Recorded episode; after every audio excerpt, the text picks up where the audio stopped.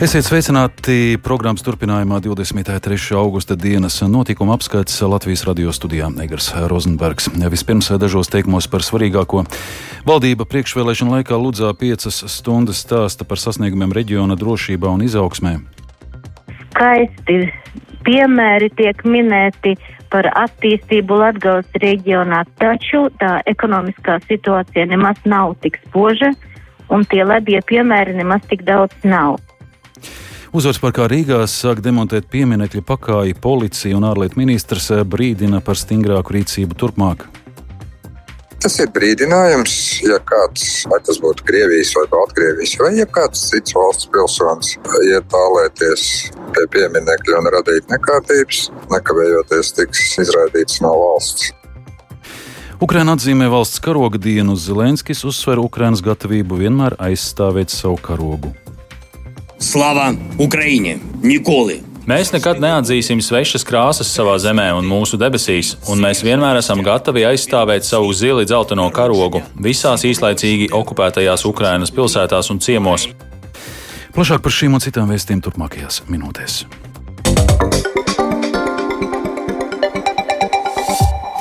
Ludzā šodien gan arī 5 stundas notika ministru kabineta izbraukuma sēde. Valdība to rīkoja Latvijas-Krievijas pierobežas pilsētā, ņemot vērā ģeopolitisko situāciju. Ministri uz lūdzumu devušies priekšvēlēšanu laikā, un viņu atskaitēs bija saklausāms daudz par sasniegumiem reģiona drošībā un izaugsmē. Tomēr valdības sēdē tikpat kā neatspoguļoja to, ka Latgalē arvien ir zemākās algas un lielākais bezdarbs. Izbraukuma sēdes noslēgumā valdība nolēmusi veidot jaunu Latgales reģiona attīstības plānu turpmākajiem gadiem. Tam gan nav iezīmēts nepieciešamais naudas apjoms un tā avoti.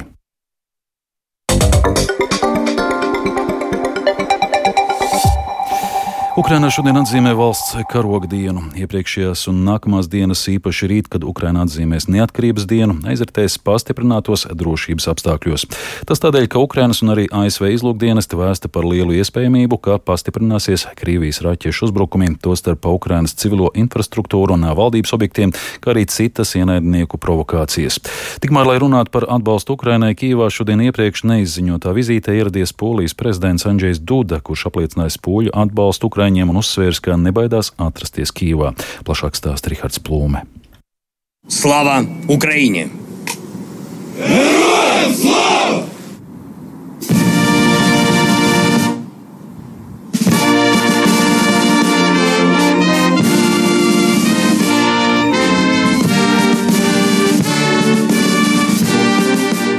Atzīmējot valsts karoga dienu, Ukrainas prezidents Valdemirs Zelenskis šodien piedalījās svinīgajā Zidli dzeltenā karoga pacelšanas ceremonijā.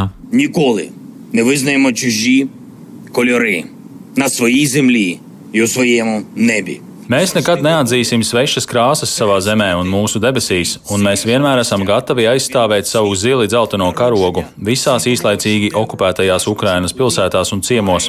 Okupētās uz laiku, plīvos uz visiem laikiem. Melitopolē virs uzvaras laukuma, kur nevar būt karā zaudējušo karogu. Tur būs zils un dzeltens. Hersonā virs brīvības laukuma nevar būt tādu karogu, kuri nezina, kas ir brīvība. Tur būs zils un dzeltens. Un Krimā, Jaltā, Kerčā, Džankojā, Simferopolē uz Aipetri virsotnes plīvos Ukrainas un Krimas tatāru karogi. Un, lai kā kāds censtos sagrozīt vēsturi, tieši šīs krāsas vēsturiski saistās ar Krimu. Man nav bail atrasties Kijivā, tā šodien kopīgā preses konferencē ar Zelenski sacīja Polijas prezidents Andrzejs Duda. Tieši šodien viņš ieradies Kijivā iepriekš neizziņotā vizītē, lai runātu par atbalstu Ukrainai. Panie redaktorze, szanowni państwo. Mēs esam šeit kopā un esam šeit šodien, lai mūsu brāļi Ukrainā redzētu, ka mēs esam ar viņiem, ka mēs burtiski esam kopā ar viņiem, ne tikai garā, bet arī fiziski esam šeit kopā. Mēs svinam kopā, bet arī kopā parādām, ka Ukraina ir brīva, ka Ukraina ir suverēna, ka Ukraina ir neatkarīga un ka Ukraina cīnās. Varas iestādes aicinājušas iedzīvotājus tuvākajās dienās būt īpaši piesardzīgiem, jo var pastiprināties Krievijas uzbrukumi. Trešdien valstī tiks atzīmēta neatkarības diena un plašas svinības plānotas netiek. Tā vietā vairākos apgabalos jau ieviesti dažādi ierobežojumi. Tiks apturēta arī humanās palīdzības sniegšana, lai novērstu cilvēku pulcēšanos. To apliecināja arī Ukrainas sarkanā krusta ģenerāldirektors Maksims Docents, norādot, ka palīdzības organizācijas piešķir saviem darbiniekiem brīvdienas, lai pasargātu tos no iespējamiem uzbrukumiem neatkarības dienā. In, in these, uh, days today, tomorrow and day after tomorrow. Briesmas šajās dienās, šodien, rīt un parīt noteikti pieaug, un visas valdības struktūras izsludina iespējamus, piemēram, raķešu uzbrukumus vai triecienus pat Kīivas centrā. Tātad tas, ko mēs redzam tagad, pat atrodoties šeit Kīivas centrā, cilvēku skaits šeit ir daudz mazāks nekā parasti. Un daudz cilvēku šajās nedēļās cenšas pamest savas mājas un pārcelties uz valsts rietumu daļu. Un pat ja mēs runājam par organizāciju darbu Ukrainas austrumu, ziemeļu un centrālajā daļā, tāpēc daudz daudzas organizācijas tagad cilvēkiem piešķir brīvas dienas šajā nedēļā. Ukrainas sarkanā krusta ģenerāldirektors arī brīdināja, ka sociāla-ekonomiskā situācija Ukrainā kļūst ar vien sliktāka, un daži reģioni ir zaudējuši vairāk nekā 50% iedzīvotāju, pārsvarā jaunus un darbspējīgus cilvēkus. Viņš sacīja, ka pat tad, ja cilvēki atgriežas Ukrainā, un šādu cilvēku skaits pēdējo divu vai trīs mēnešu laikā ir aptuveni 5 miljoni, visi joprojām izjūt kara ietekmi un palīdzības organizācijas organizācijām ir jāgatavojas ilgstošai palīdzībai. Rihards Plūme, Latvijas radio. Ukrainā šodien notiek jau otrais Krīmas platformas samits. Ukrainas amatpersonas ir apņēmības pilnas starptautisko uzmanību Krimai tikai palielināt, vairāk stāsta Uģis Lībietis. Tieši pirms gada, 2021. gada 23. augustā, Kijevā notika Krīmas platformas dibināšanas samits. Tajā piedalījās 43 valstu, kā arī 4 starptautisko organizāciju, tostarp Eiropas Savienības un NATO pārstāvi. Krīmas platforma ir paredzēta kā diplomātiska Ukrainas iniciatīva un nākotnē arī kā starptautiski konsultatīvs un koordinējošs mehānisms, kas ļautu nākotnē atgriezt Krievijas anektēto Krimu Ukrainas sastāvā un palīdzētu šim jautājumam nepazust no starptautiskās politiskās dienas dienas kārtības. Krievijas spēkiem iebrukot Ukrainā, jautājums par Krimas atgūšanu ir iegūts jau pavisam citu nokrāsu, jo vēl pagājušajā gadā samitā liels uzsvars tika likts uz nepieciešamību ar Krieviju diskutēt diplomātiskā ceļā.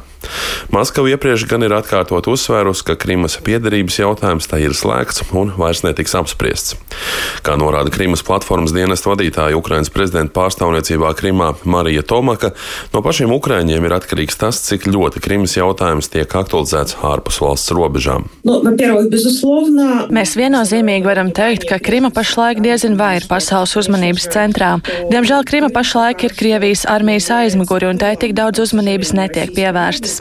Taču pirmās Krimas platformas galvenā mācība ir tāda, ka pasaule par Krimu būs ieinteresēta tik daudz, cik aktīvi šo jautājumu virzīs uz priekšu Ukraina. Un šogad, par spīti sarežģītajai situācijai, no Ukrainas puses tiek darīts viss, lai šo interesi par Krimu vēl vairāk palielinātu. Ukrainas varas iestādes ir paziņojuši, ka pašlaik jau gatavo ekonomisko plānu Krimas atjaunošanai pēc tās atbrīvošanas. Uģis Lībijams, Latvijas radio. Lietuva varētu meklēt reģionālu risinājumu Krievijas turistu vīzu aizliegumam, ja Eiropas Savienības dalībvalstis nespēs vienoties par šādu sankciju bloka mērogā. Tā paziņojas Lietuvas ārlietu ministrs Gabriēļus Landsbergis. Viņš gaidot sarunas ar Latviju, Igauniju, Somiju un Poliju par šo jautājumu nākamnedēļ Prāgā paredzētās Eiropas Savienības ārlietu ministru sanāksmes kuluāros. Turpina Rihards Plūme. Lietuvas ārlietu ministrs Gabriēļus Landsbergis uzsvēris, ka vispirms tiek meklēts Eiropas mēroga risinājums, jo tas ir ilgtspējīgāks un juridiski pareizākais. Tomēr, ja tas netiks sasniegts, Lietuva neizslēdz iespēju meklēt reģionālu risinājumu, kas ietvertu Baltijas valstis, Poliju un iespējams arī Somiju. Vienlaikus viņš atzina, ka pat reģionāls lēmums būtu grūti sasniedzams. Eiropas komisija pagājušajā nedēļā atzina, ka notiek diskusijas, lai noskaidrotu, vai varētu panākt koordinētu pieeju pieeju Krievijas vīzu jautājumā. Tikmēr atsevišķas valstis izteikušas iebildumus to vidū, piemēram, Vācija un Portugāla. Eiro vērtība pret dolāru šodien sasniegusi zemāko līmeni 20 gadu laikā. Arī privātā sektora ražošanas un pakalpojumu aktivitāti raksturojošais indeks Eirozonā šogad augustā samazinājies līdz 49,2 punktiem, sasniedzot zemāko līmeni pēdējos 18 mēnešos. Tas viss liecina par to, ka eiro vērtība turpinās kristies un Eiropai draud recesija. Par to ir pārliecināts globālās investīciju bankas City analītiķis Luis Košta. Our, uh, outlook and our trades and our positioning. Mūsu prognozes, tirzniecība un stratēģija ir vērsti uz turpmāko eiro vērtības krišanos. Galvenais iemesls ir tas, ka ir atklājusies Eiropas ekonomikas ievainojamība un neaizsargātība, kura ir izgaismojis milzīgais enerģētikas šoks. Mēs šeit varam pievienot arī apvienoto karalisti, jo es nerunāju tikai par Eiropas Savienību. Pašlaik mēs esam ražošanas cikla lejupslīdes fāzē, un nedrīkst aizmirst arī vēl vienu papildu sarežģītības līmeni, kuru rada Ķīnas ekonomiskā lejupslīde. Tā acīm redzot, Eiropu ir skārus daudz pamatīgāk nekā Amerikas Savienotās valstis.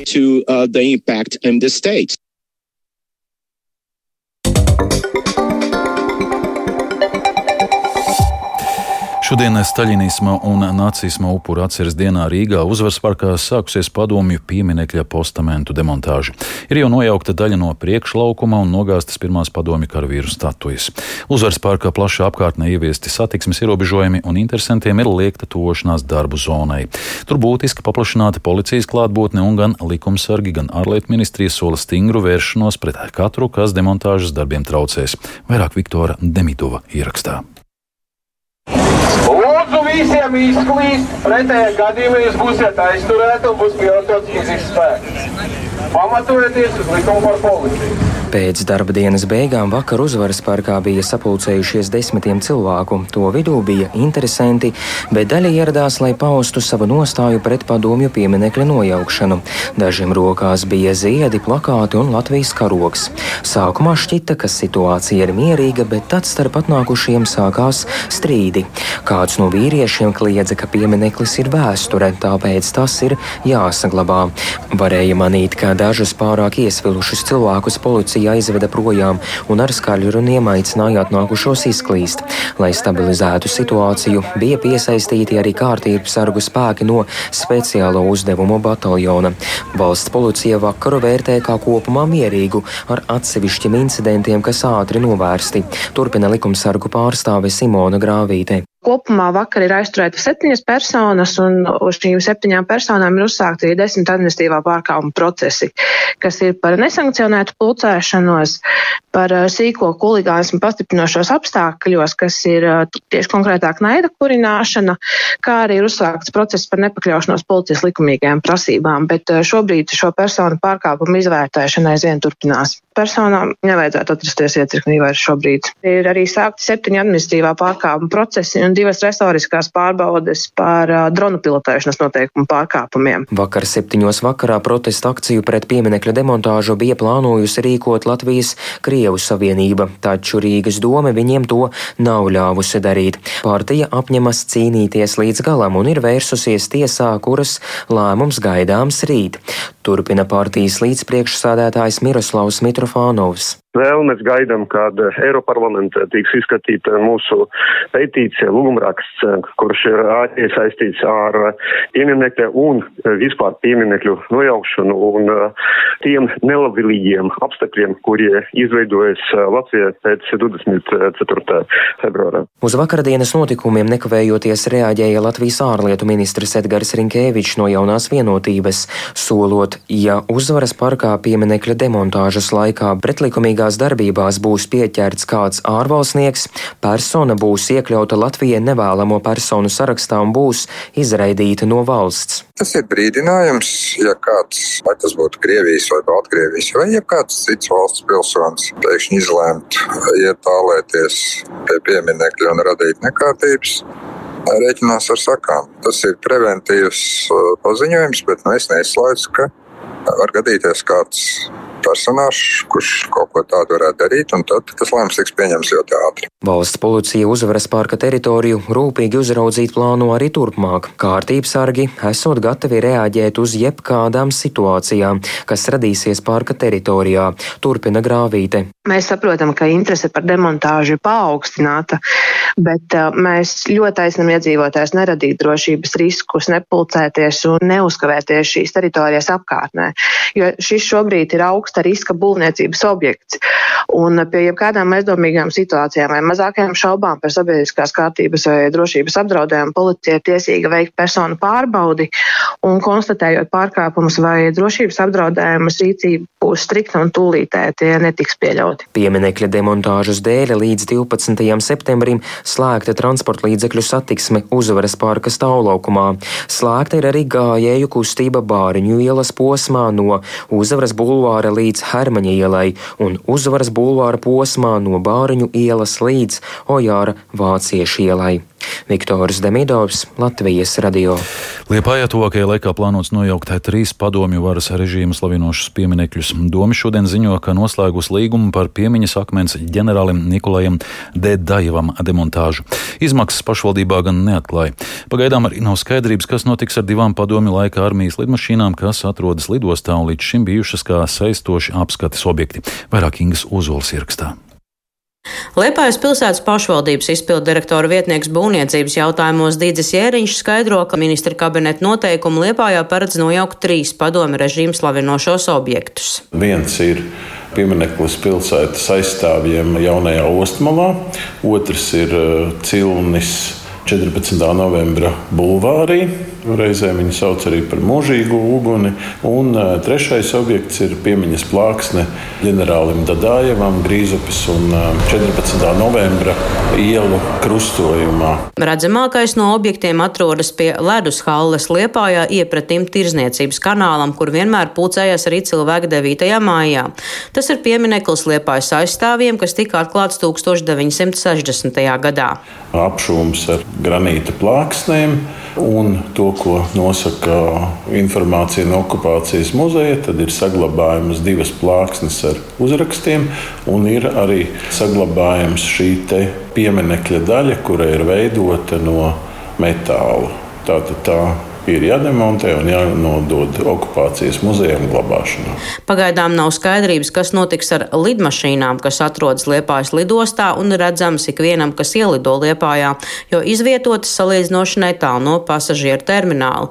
Sijā avio sabiedrības Liepāja valdes loceklis Agris Sprūda stāsta, kādas tieši lidmašīnas atrodas lidlaukā. Padomu laiku mantojums, tādas vēstures liecības un visādi interesanti apskatām objekti, padomi iznīcinātāji, migi kurus savulaik, eh, kā man stāstīja, bijušie lidostas darbinieki ir izdevies saglabāt no iznīcības padomju armijā aiznējot. Ja, visā Rietumē Eiropā kādas kara lietas ir ļoti interesants. Agris Sprūde uzskata, ka šobrīd notiekošais pasaulē ietekmē cilvēku prātus un ar to ir jārēķinās, tāpēc jāmeklē risinājums. Jāvērtē ir sabiedrībai, bet kādā ziņā kā tehnisks izstrādājums, kā tehniska vēsturiska liecība, jā, nu, viņš vienalga ir interesants un, lai vai kā, es domāju, dažādu tirānu un, un diktatoru armijās izmantotās tehnikas vienības vienalga var apskatīties muzejās, droši vien nu, vienalga vai lidlaukos, vai vienkārši sētmalēs visā pasaulē. Es domāju, tāds kaut kāds eh, liktenis, kā vispār atteikties, iznīcināt tādus gaisa kuģus, eh, iznīcinātājus, tā tas nav saprātīgi. Pašvaldībā tiek pieļauta iespēja, ka lidmašīnas varētu nonākt kara muzeja rīcībā un tikt eksponētas kādā teritorijā.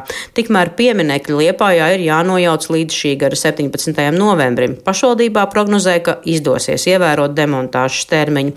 Pagaidām iespējamās nojaukšanas izmaksas netiek nosauktas. Ingos Ozola Latvijas radio kurzemē. Un tagad plašāk par dienas notikumu apskatu sākumā pieminēto notikumu, proti, ka Ludzā šodien gandrīz 5 stundas notika ministru kabineta izbraukuma sēde.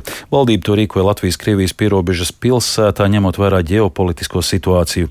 Ministri uz Lūdzu devušies priekšvēlēšanu laikā, un viņa atskaitēs bija saklausāms daudz par sasniegumiem reģiona drošībā, izaugsmē. Tomēr valdības sēdē tikpat kā neatspoguļoja to, ka Latgalē ar vien ir zemākās algas un lielākais bezdarbs. Pat labāk esam sazinājušies ar Latvijas radio Latgales studijas korespondentu Ivetu Čigā. Jāni, kur sekoja līdzi valdības izbraukuma sēdē. Sveika, Iveta! Labdien! Kādi ir tavi secinājumi pēc valdības vizītes Ludzā? Kā jau tu teici, pirmais, kas jāņem vērā, ir tas, ka izbraukuma sēde notika priekšvēlēšanu laikā, un katrs ministrs centās parādīt visu to labāko. Man kā pierobežas iedzīvotājai, dzirdot šīs atskaites, brīžiem šķita, ka tāds nav par latgali. kur bezdarbs divas reizes lielāks nekā citviet Latvijā, kur uh, pašlaik gandrīz neizbraucina otrās šķiras ceļi, kur cilvēki neapmeklē ārstu vien tāpēc, ka medicīnas pakalpojumi nav pieejami tuvāk dzīves vietai, kur bērni ceļas sešos no rīta, lai nokļūtu skolā. Tās tādas bija sajūtas, manas personīgās sajūtas, jā. Ja? Protams, uh, valdības izbraukuma sēdē tika runāts arī par problēmām, uh, piemēram, par Latgales uzņēmēju bažām par izmaiņām imigrācijas likumā, kas attiecināms uz darba spēka piesaisti no Baltkrievijas un Krievijas. Tika nedaudz aizskarts arī kaut kādas lauksaimnieku problēmas, taču tomēr tā bija valdības atskaites sapulcē par padarīto. Jā, un Latgalē īstenojot dažādus projektus piesaistīti 213 miljoni eiro. Taču nes kāpēc izaugsme šajā reģionā joprojām ir maz pamanāma. Kāpēc tā notika, par to ministri nerunāja. Saki, kā šādu valdības izbraukumu sēdi vērtē vietējās pašvaldības? Nu, vietvara šādu izbraukuma sēdi vērtē pozitīvi. Kaut vai vien tāpēc, ka ministri atbraukuši uz vietas, pabijuši Latgalē. Protams, um, ir svarīgs arī, ka bija iespēja veidot dialogu, taču nav zināms, vai šim dialogam būs arī kādas reālas sekas. Iepriekš Latgalē valdības izbraukuma sēde bija 2017. gadā Daugopilī, tāpēc vietvaras gribētu šādas tikšanās ar valdību redzēt arī biežāk. Izbraukuma sēdes noslēgumā valdība nolēmusi veidot jaunu Latvijas reģionu attīstības plānu turpmākajiem gadiem. Tam gan nav iezīmēts nepieciešamais naudas apjoms un tā avoti. Ko par to saki? Nu, raugoties, kā tika īstenota iepriekšējā programma, kaut gan vara ministrs teica, ka tā ir sekmīgi eh, īstenota, nu, tā kā reālajā dzīvē tas tā bijis kā neizskatās. Nu, cerēsim, ka tā jaunā programma, ja tā tiks tiešām atrasts finansējums, ka tā parādīs lielāku, veicinās lielāku Latgales izaugsmu.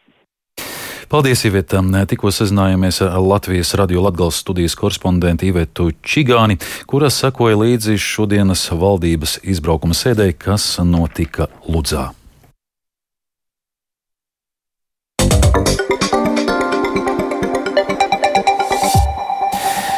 Jelgavā šajā nedēļas nogalē jau 22. reizi notiks piena, medus un meizes svētki, bet eh, piena paku laivu regatas braucējiem šī būs 20. jubilejas tikšanās. Šogad laikā nevien trīskāršojies dalībnieku skaits, bet arī paldu līdzekļu apjoms un izmantoto paku skaits. Jau vairākus gadus regatēm neiztrūkstoši piedalās arī Agitas Lācis vadītā autoskolas komanda. Jo patika pati tā ideja, kad uh, bijām vairāk kārt uz šiem svētkiem un redzējām, ka piedalās ar šiem peldlīdzekļiem. Tad arī paši vēlējāmies. Taisījām skices, reiķinājām, cik viena piena paka var svaru panest. Un pirmo reizi mēs arī testējām, vai ne? Tā kā plostu, jā, cik viņš var izturēt to pamatni. Bet neziņa bija ļoti liela. Tagad jau mēs tomēr saprotam, ko mēs darām.